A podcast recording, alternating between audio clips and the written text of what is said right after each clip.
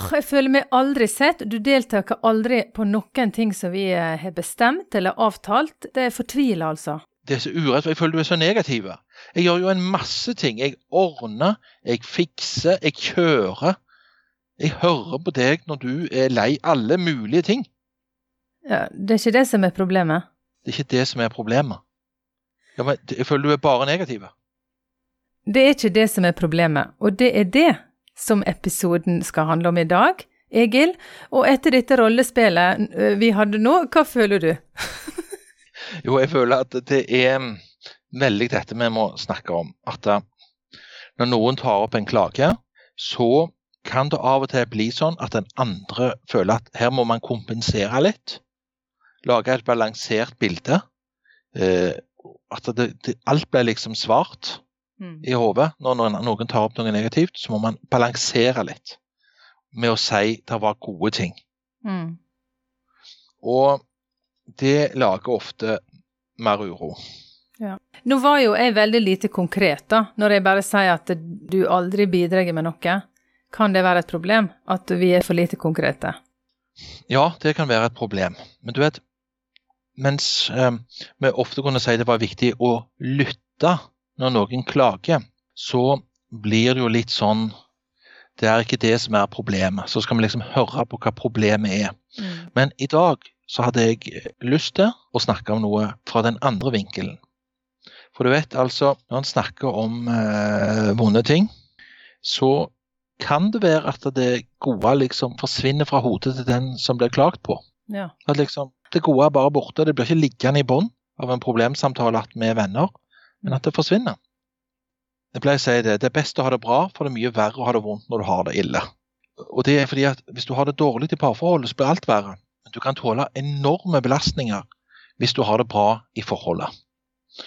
Men så er det jo sånn at når man har fått det dårlig, dette må dere høre på, når man har fått det dårlig i forholdet, så skjer det noe som man må tenke at man blir rammet av. Og det er at man overser det den andre prøver på med god hensikt, og så misforstår man på en måte eh, liksom det den andre gjør i god hensikt, så blir man litt skeptisk og så tenker man hvorfor gjør du det, hva er det nå du prøver på?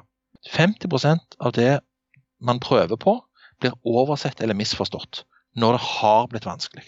Tenk så grusomt det er å ha det ille.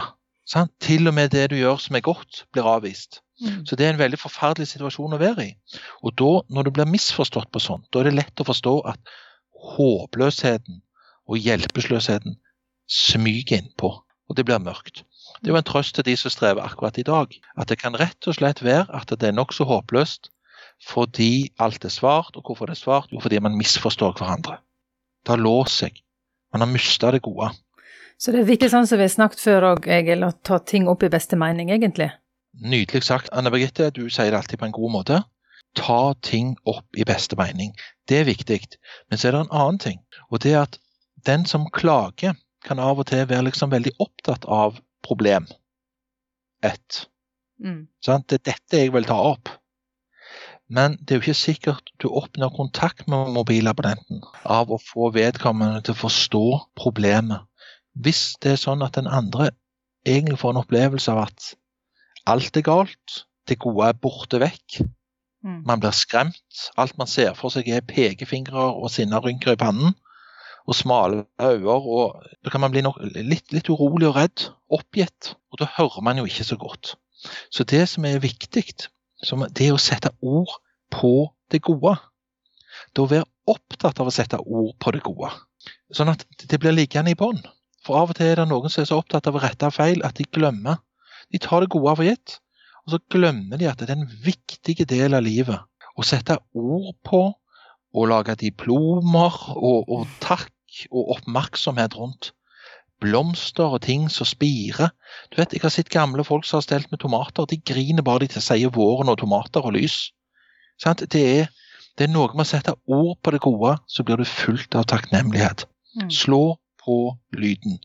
Og her er det jo det at hvis du vil ha et godt forhold, så må du ha egne anledninger. Du må sette av egne anledninger til å si det gode, med punktum. Du vet, jeg skal si en eh, Altså, det var ei dame. Og hun hadde altså da vært på kurs og lært at hun måtte begynne med det gode Vet du hva det betyr? Det er ikke som hun trodde at en mann ikke forsto det. Eh, At når hun begynner med det gode, så er det for å mykne han opp. Få foten i døra, og så si det som var det virkelige problemet. For da er han myk, for du har sagt det positive først. Mm.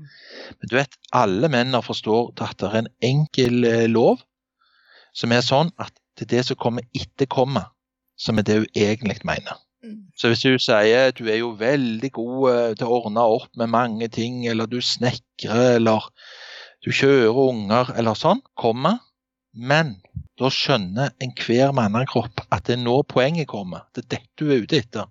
Til å si noe negativt. Det gjelder enten det er menn eller damer, det. Komma, men da gjelder ikke det du sa først lenger. Og Derfor er det så viktig at man må ikke si gode ting liksom bare for å kunne si noe negativt. Man må ha det som en grunnleggende vane å bruke punktum. Ja, du er jo lærer, du forstår hva jeg mener. Mm. Utropstegn, Altså- faktisk, kan vi bruke. Utropstegn, punktum, ferdig. Jeg er glad for Takk skal du ha. Det var så godt å se deg når du snakket med datteren vår i dag. Da kjente jeg ble rørt. Det var så fint. Mm. Da tenkte jeg et lite øyeblikk tenk om, å, tenk om alt var sånn i livet. Det å sette ord på, veldig enkelt med takk. Ting som lukter godt, det kan være smaker godt, det kan være maten, det kan være håret. Si gode ting. Hva, hva slags livshistorie har man i familien deres, f.eks.? Jeg skal ikke spørre om det nå. Men liksom, hva historier er det man forteller om igjen og om igjen?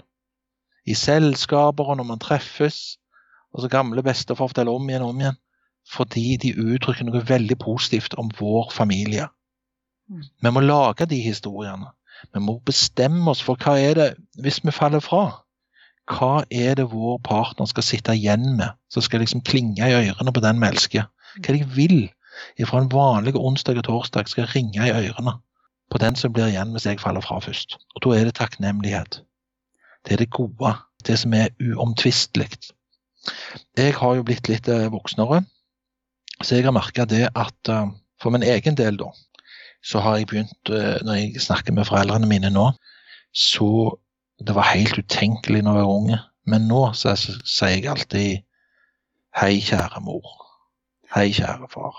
Gode du. Jeg vet ikke om det har med alderen eller meg å gjøre, men jeg anbefaler andre òg å si det som er som så ofte blir uuttalt. Slå på lyden og våge å dele det. Og legge merke til de små tingene man, man er glad for, og sette ord på det. For på den måten så bygger man trygghet inn i forholdet. Den andre vet hva som gjelder. Og da er det ikke sånn at den dagen du trenger å ta opp noe vanskelig, så forsvinner alt. Nei, da er det gjerne sånn at den dagen du trenger å ta opp noe, så husker den andre litt bedre hvem du virkelig er for, Mm. for vedkommende. Så enkelt, så krevende. Man må velge å være på i kjærligheten. Mm. Kjærlighet er å være på. Det vonde kjenner vi, så da reagerer vi. Men det gode, da må vi være litt på. Av å elske.